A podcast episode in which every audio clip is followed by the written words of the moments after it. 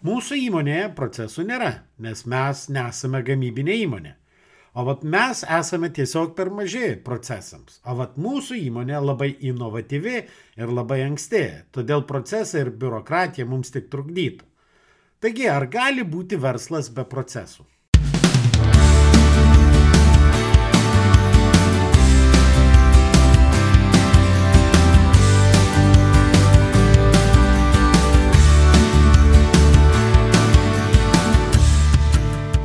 Sveiki, jūs klausotės podkasto Nuo amato prie verslo, kuriame tikima, kad verslas turi būti pajamų, pasiekimų ir pasitenkinimo šaltinis, o ne tik kelti stresą ir deginti laiką. Su jumis aš, šios laidos autorius ir vedėjas, verslo konsultantas, treneris ir efektyvumo fanatas Nerius Esinavičius. Jūs klausotės 11-ojo tinklalaidės epizodo. Šiandien mes pakalbėsime apie procesus. Šią savaitę turėjau progą mokyti Estijos smulkaus ir vidutinio verslo savininkus, na, labiau galbūt amatininkus, kaip iš amato pereiti prie verslo. Kadangi tai buvo tik vienos dienos mokymai, todėl teko pasirinkti, į ką sutelkti dėmesį.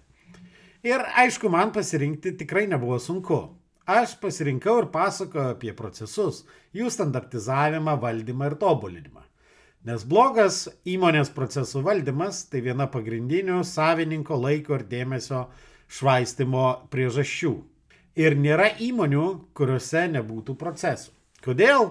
Na, pirmiausiai pasižiūrėkime, o kas tai yra procesas. Taigi, apibrėžimas sako, kad procesas tai iš anksto žinoma kartotinių veiksmų seka su apibriešta įvestimi, tai yra inputais, eiliškumu, trukme ir kurianti iš anksto žinomą rezultatą išdavą, arba angliškai output. Tai yra kartotinis procesas, tai yra kartotinių e, veiksmų seka, tai reiškia procesas pirmiausiai tai yra tai, kas kartojama ir daroma daug kartų.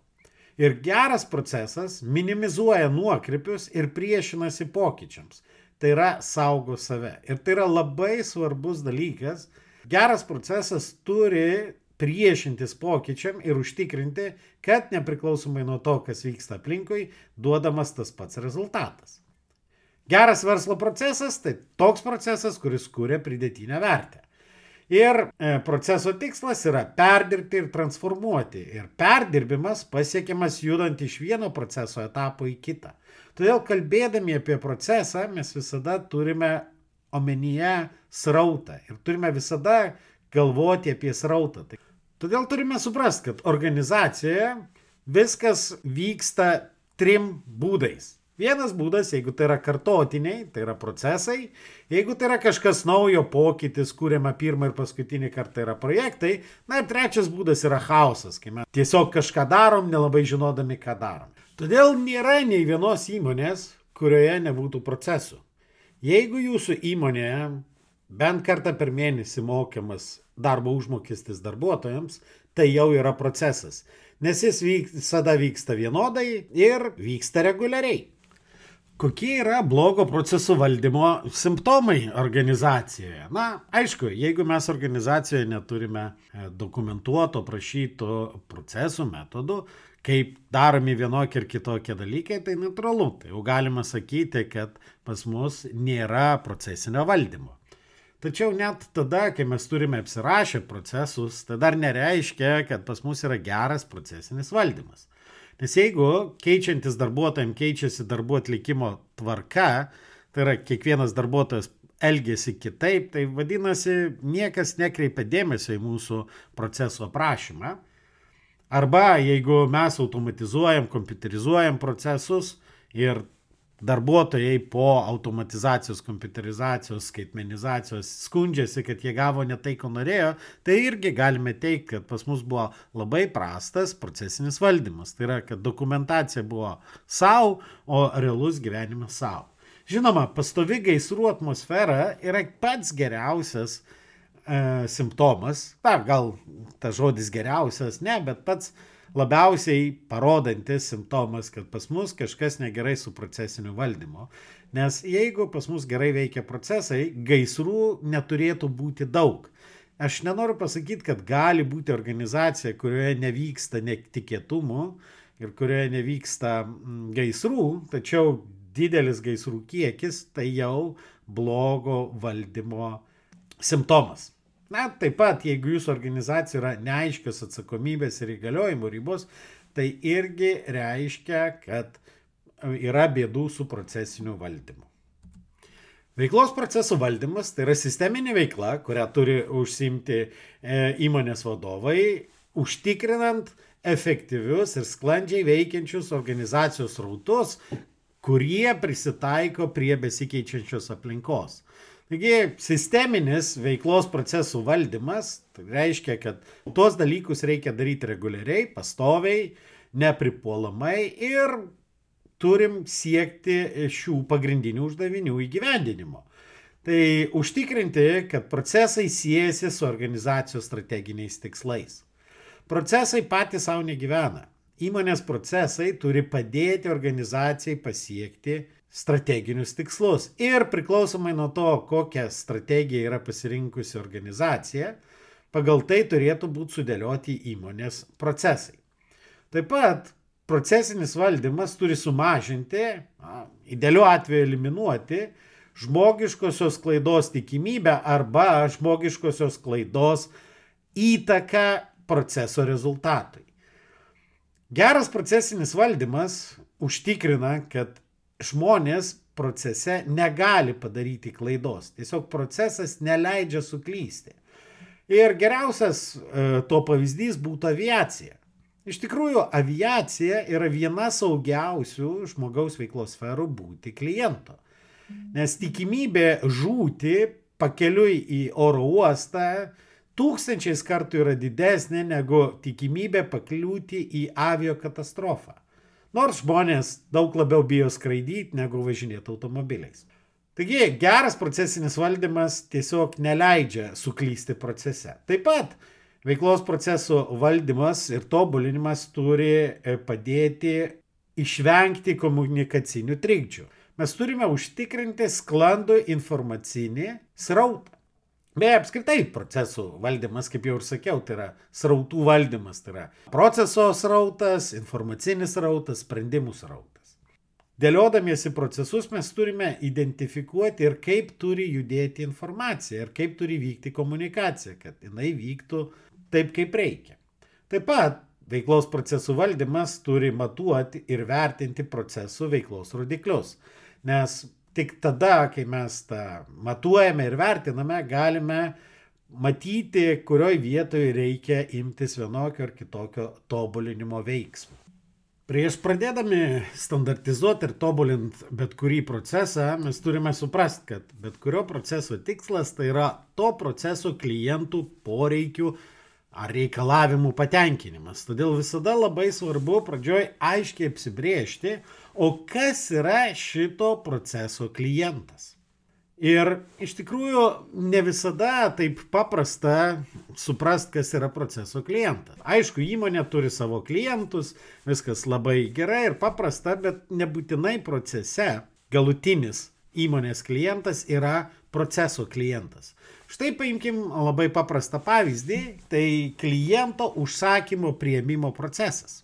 Ir jeigu mes įmonėje turim tokį e, procesą, tai yra priiminėjom iš kliento užsakymą, tai iš tikrųjų tokio proceso galutinis klientas nėra tas įmonės klientas. Todėl, kad priimdami užsakymą mes turime gauti rezultatą, kuris yra reikalingas gamybai, gamybos planavimui arba gamybos paruošimui, bet ne galutiniam klientui. Galutinis klientas yra užsakymo prieimimo proceso tiekėjas. Jis tiekia informaciją apie tai, kas yra reikalinga, tai yra ko klientas, tas galutinis vartotojas nori gauti, kokiu prekiu, kokiais kiekiais, kokiai datai, į kurį adresą pristatyti.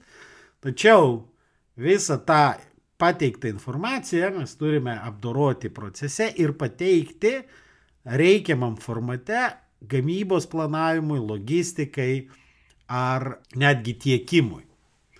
Ir paimkim labai paprastą kitą pavyzdį, pavyzdžiui, tas pats mano jau minėtas procesas atlyginimų darbuotojų mokėjimas.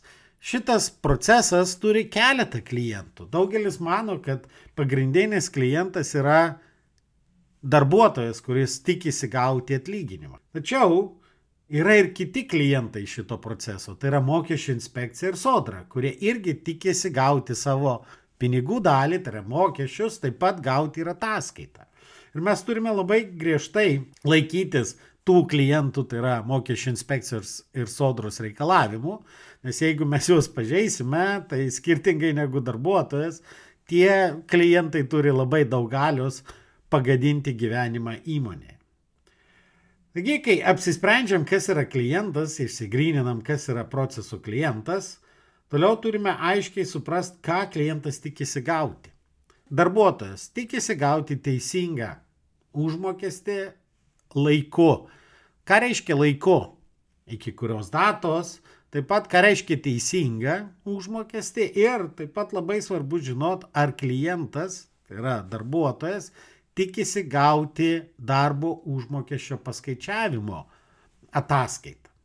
Nes jeigu darbuotojas tokios ataskaitos gauti nesitikė, Mes galime turėti vienokį procesą. Jeigu jisai nori gauti ir tą ataskaitą, kaip tai paskaičiuota su paaiškinimais, reiškia, mūsų procese turi atsirasti tokio paaiškinimo sugeneravimo žingsniai. Taigi, kai mes išsiaiškinom, ką klientas tikisi gauti, kas jam yra svarbu ir vertinga, mes turime nuspręsti, ką mes jam duosime, kas iš tikrųjų procese bus sukurta, o kas galbūt procese ir nebus kuriama. Ir nusistatom, kokie šito proceso yra rezultatai, kokie kriterijai rezultato kokybės vertinimui. Kai nustatėme, kas yra procesų klientas, tada jau galime nustatyti, kokie yra reikalingi žingsniai procese, kad sukurti klientui reikalingą rezultatą, Tuomet galėsime nustatyti, kokie įdėjimai į procesą yra reikalingi, kad galėtume vykdyti procesą ir kas yra proceso teikėjai, kas pateiks mums visus reikalingus elementus proceso vykdymui. Tai reikalingi elementai gali būti ir informacija, ir kažkokios medžiagos, ir priemonės, ir sprendimai. Bet ko mes nežinome, kas yra mūsų klientas, mes negalėsime nustatyti teisingai, kokį rezultatą procesas turi duoti, kokius žingsnius mes turime daryti ir kokias inputus, kokius įdėjimus mes turime gauti proceso.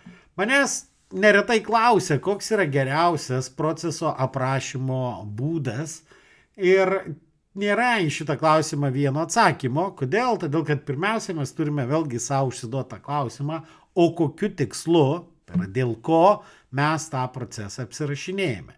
Proceso aprašymo priežastys gali būti įvairios.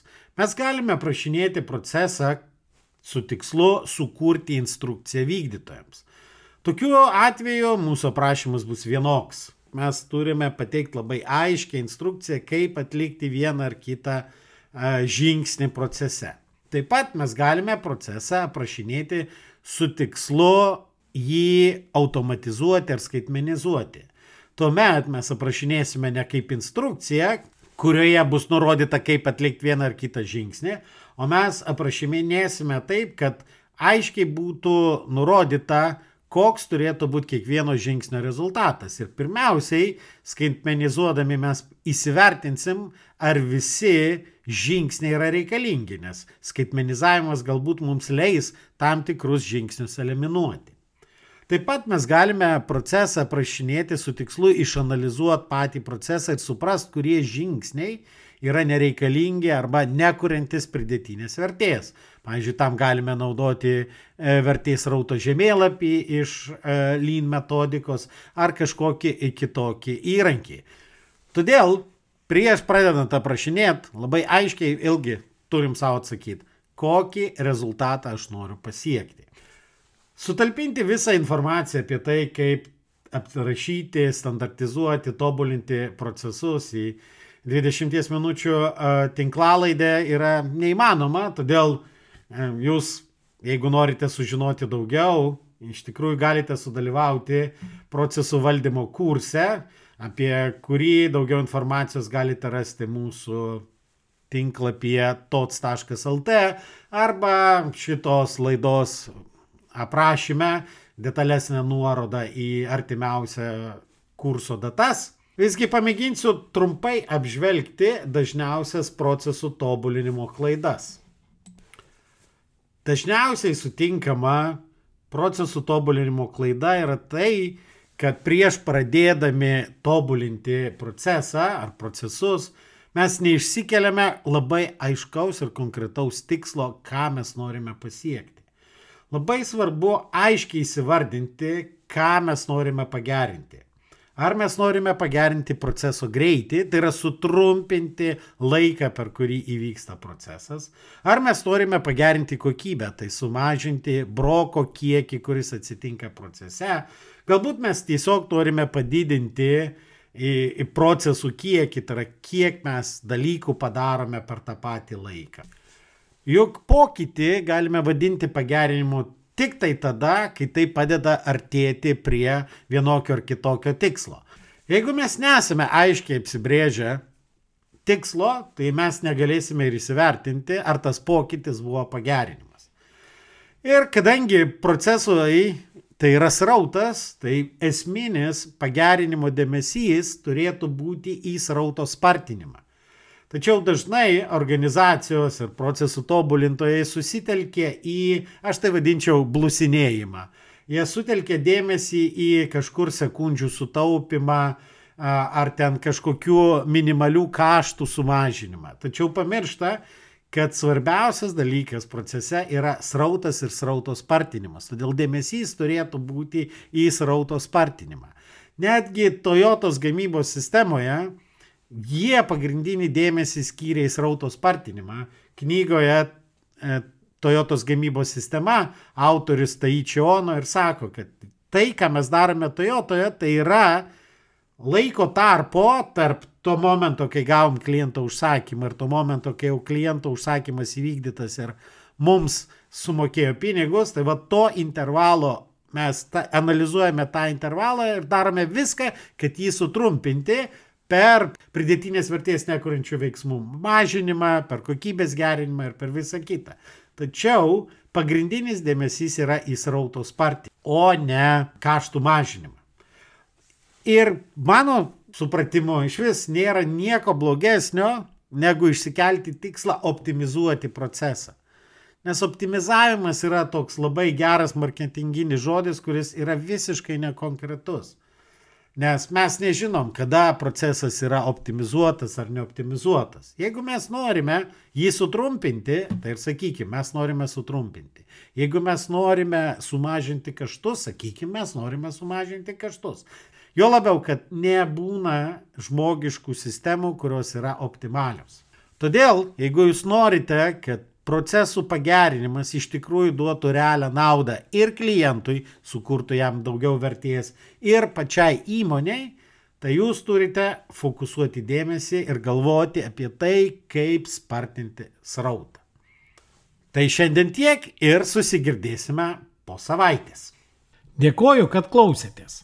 Ir nepamirškite užsiprenumeruoti šį podcastą, kad visuomet gautumėte informaciją apie naujausias laidas Taip pat būsiu labai dėkingas, jei įvertinsite šį podcastą palikdami atsiliepimą savo įprastoje podcastų platformoje. O jei pažįstate kažką, kam jūsų nuomonė šis podcastas būtų naudingas, būtinai pasidalinkite. Iki!